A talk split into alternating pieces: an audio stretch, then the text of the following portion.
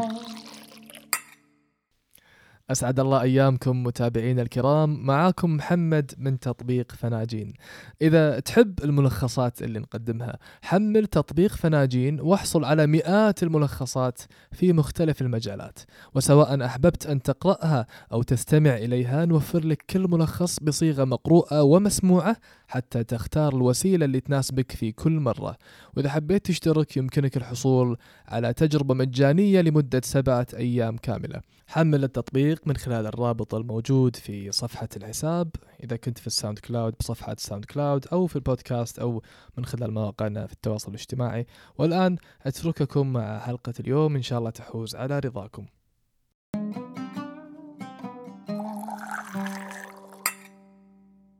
نعمة عدم الكمال. دليلك لحياة بكامل قلبك. دكتور برني براون. لو شعرت بأنك تخشى شيئا ما ركوب الطائرات مثلا ووجدت أن من حولك يتهمونك بالجبن بسبب ذلك فإن أول شيء ستفكر فيه هو أن تثبت لهم أنك شجاع وأنك تستطيع بأن تظهر بصورة الكمال وأنت تستقل الطائرة دون خوف. فما حدث هو أنك تريد أن تشعر بالكمال في أكثر الأمور التي تشعر بالعار فيها لكنك ستجد نفسك رفيقا دائما. للقلق والتوتر وأنت تبحث عن هذا الكمال الوهمي. فكلنا نسعى لأن نكون أفضل مما نحن عليه ودائما نتساءل إلى أي مدى يمكن أن نصل إلى الكمال؟ في الوقت الذي ستصاب فيه بالتوتر والقلق ستدرك أن عدم البحث عن الكمال نعمة حقيقية تجلب لك الراحة والطمأنينة وأن ادعاء الكمال الذي تظن أنه سيحميك من التعرض للأذى هو بمثابة درع وزنه طنين يثقل جسدك ويخنق أنفاسك ويمنع الآخرين من رؤيتك على حقيقتك. وهناك فارق كبير بين السعي للكمال والسعي نحو الأفضل. فلا بد أن تسعى للأفضل لأنك بذلك ستصل إلى ما تستحقه وإلى أفضل ما يمكن أن تصل إليه قدراتك. بينما السعي نحو الكمال لن تفيد منه سوى رسم صورة كاذبة في أذهان من حولك. في الفناجين التالية سنتعرف على حقيقة عدم الكمال لندرك أنه نعمة يجب الحفاظ عليها. الفنجان الأول أصعب ما تفعله بنفسك هو الانعزال، فأنت تحتاج للتواصل مع الآخرين. دعيت دكتور برنيه إلى مناسبة في إحدى المدارس لإلقاء محاضرة لأولياء الأمور، إلا أن تجهيز إدارة المدرسة للقاء لم يكن موفقًا، إذ لم تقم المديرة بإطلاع أولياء الأمور على سبب حضور دكتور برنيه إلى المحاضرة، وقامت بالإعداد لها بشكل فردي، ولم تتعاون مع أحد من الإدارة. وقبل بدء المحاضرة، حدثت مشكلة أخرى، حيث أصر أولياء الأمور على مغادرة أبنائهم الفصول الدراسية وسماعهم المحاضرة، وهو الأمر الذي يتعارض مع لوائح المدرسة، لذا فالأجواء المتوترة والبداية المعوقة للقاء جعل من مهمة التواصل والحديث بأريحية أمرًا خانقًا.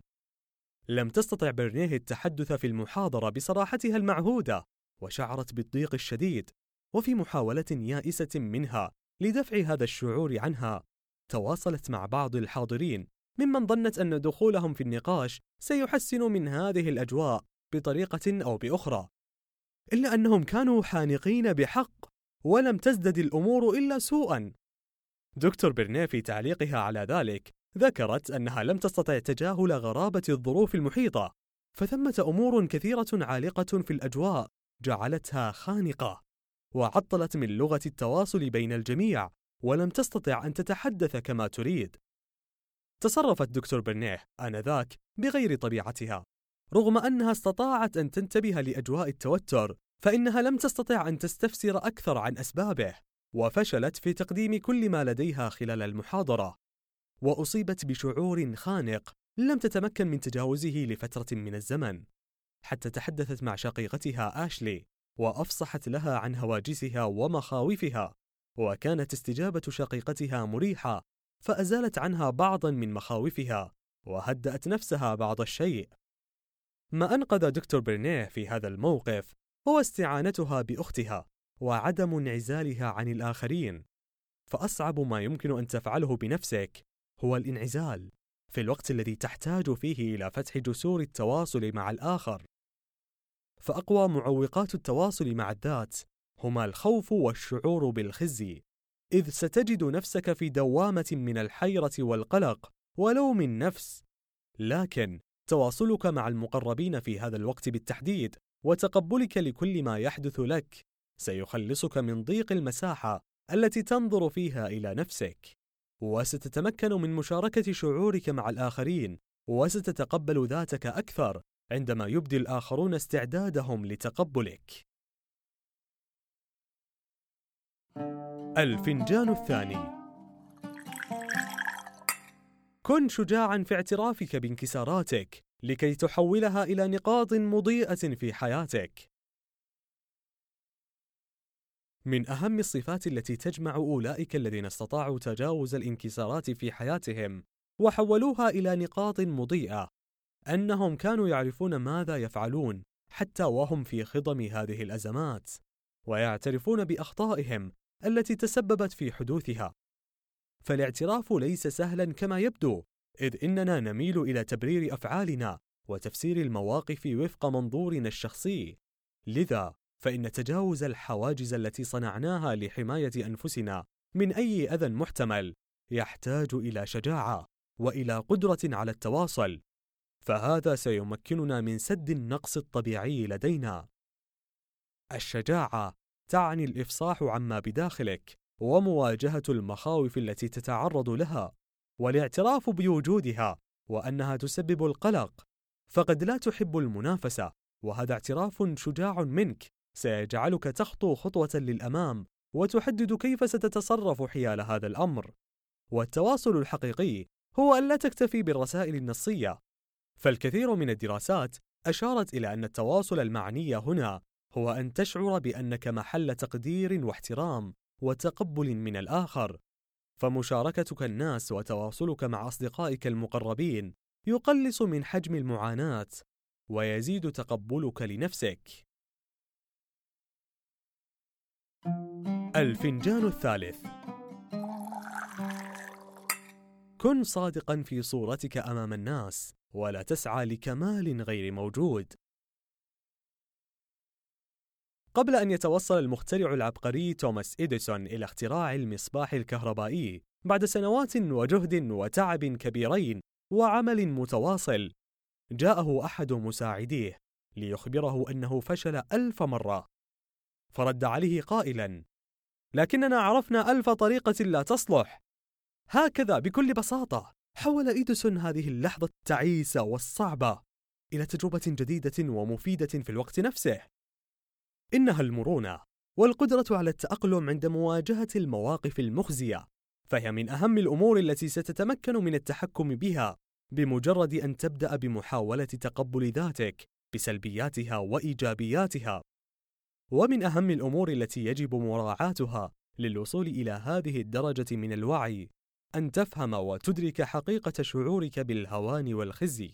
فلا ترفضه بل افهمه وافهم الأسباب المؤدية إليه. حيث سيزيد هذا الأمر من سرعة اتخاذك للقرار السليم. الأمر الثاني أن تتحدث عن هذه المواقف وتستخدم فيها الكلمات المعبرة بصدق.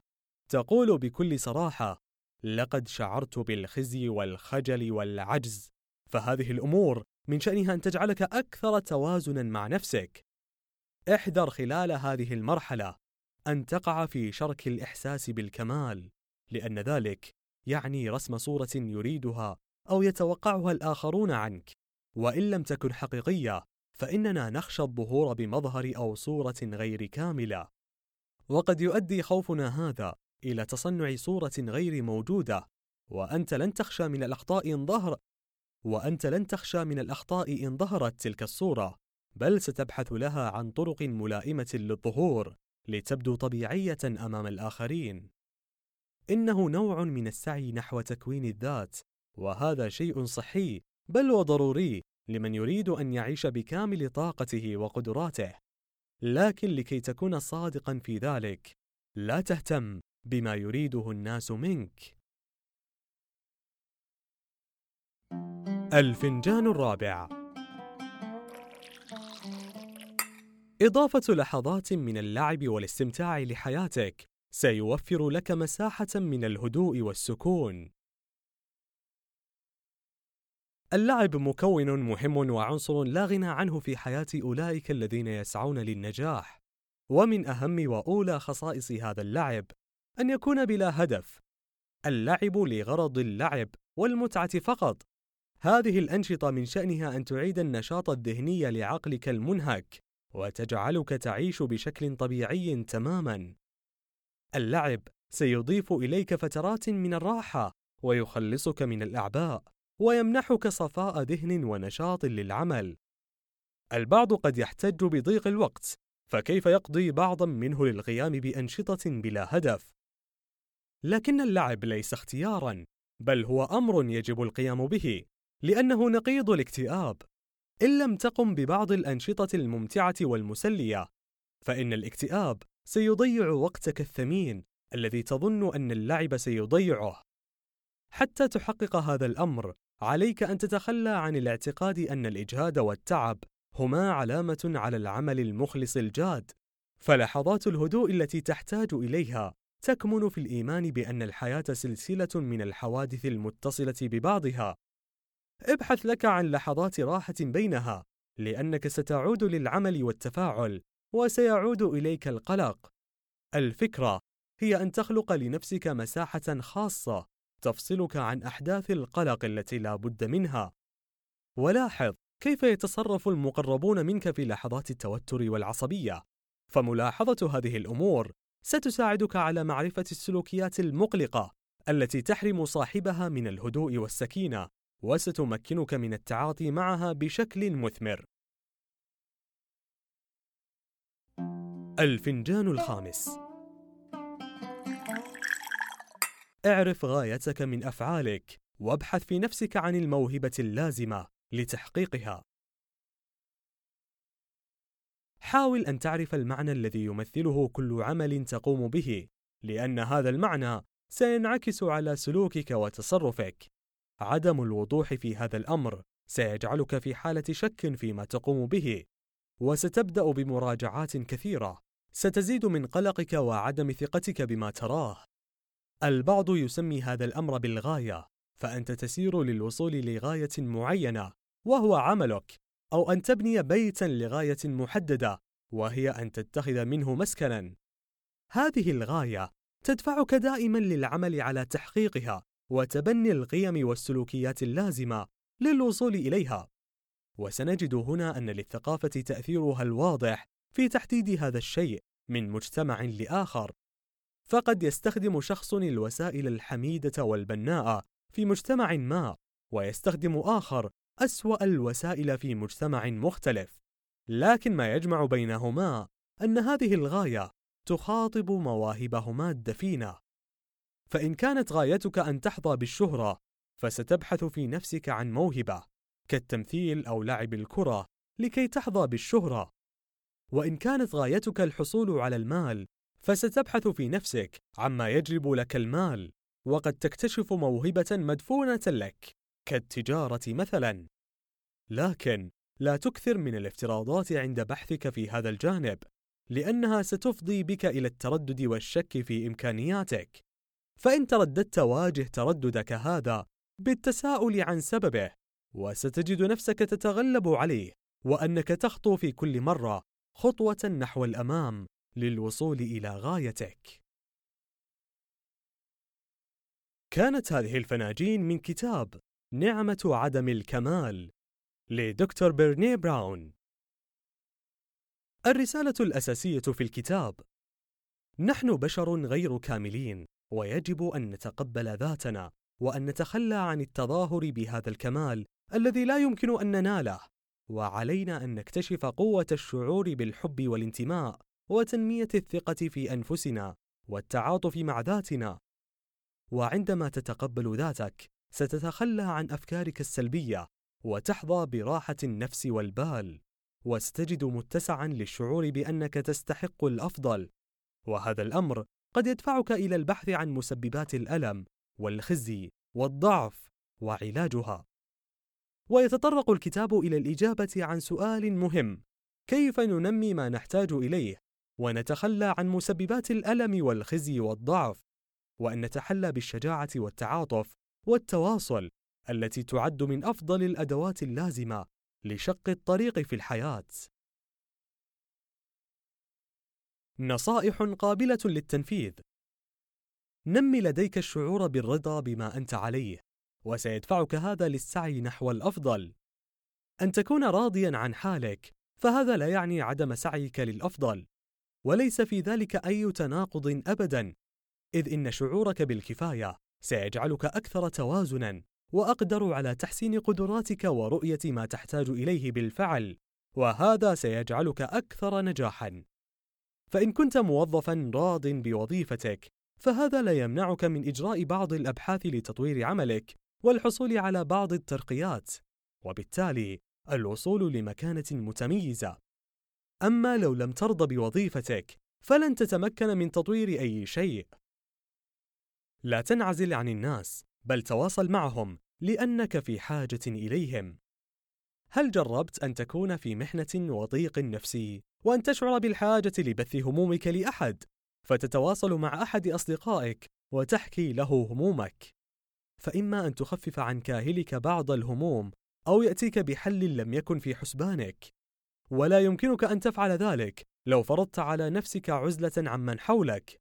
فمهما شعرت بالاستقلالية فأنت بحاجة للتواصل معهم. حدد لنفسك هدفا في الحياة بحيث يكون ملائما للمواهب التي تمتلكها. لا بد أن يكون لديك هدف في حياتك. شريطة أن يكون الهدف ملائما لما تمتلكه من مواهب. فإن كنت لا تمتلك موهبة الكتابة فلا يمكن أن تحلم بأن تكون روائيا كبيرا. ولو لم تكن موهوبا في التمثيل أو كرة القدم فلا تحلم بأن تكون فنانا أو لاعبا مشهورا. لأن سيرك في طريق لا تمتلك فيه موهبة معناه إضاعة وقتك فيما لا يفيد. فلا يمكن أن تصل للنجاح فيه بدون موهبة حقيقية. نصل هنا إلى نهاية التلخيص. نأمل أن يكون قد أعجبكم. سنكون سعداء جدا إذا تواصلتم معنا لتبدوا لنا ملاحظاتكم. فقط أرسلوا إلى إيميل مع اسم الكتاب. إلى سلام فناجين أو. شكرا لاستماعكم لهذه الفناجين. نرجو العلم بأن جميع الحقوق محفوظة. إلى اللقاء.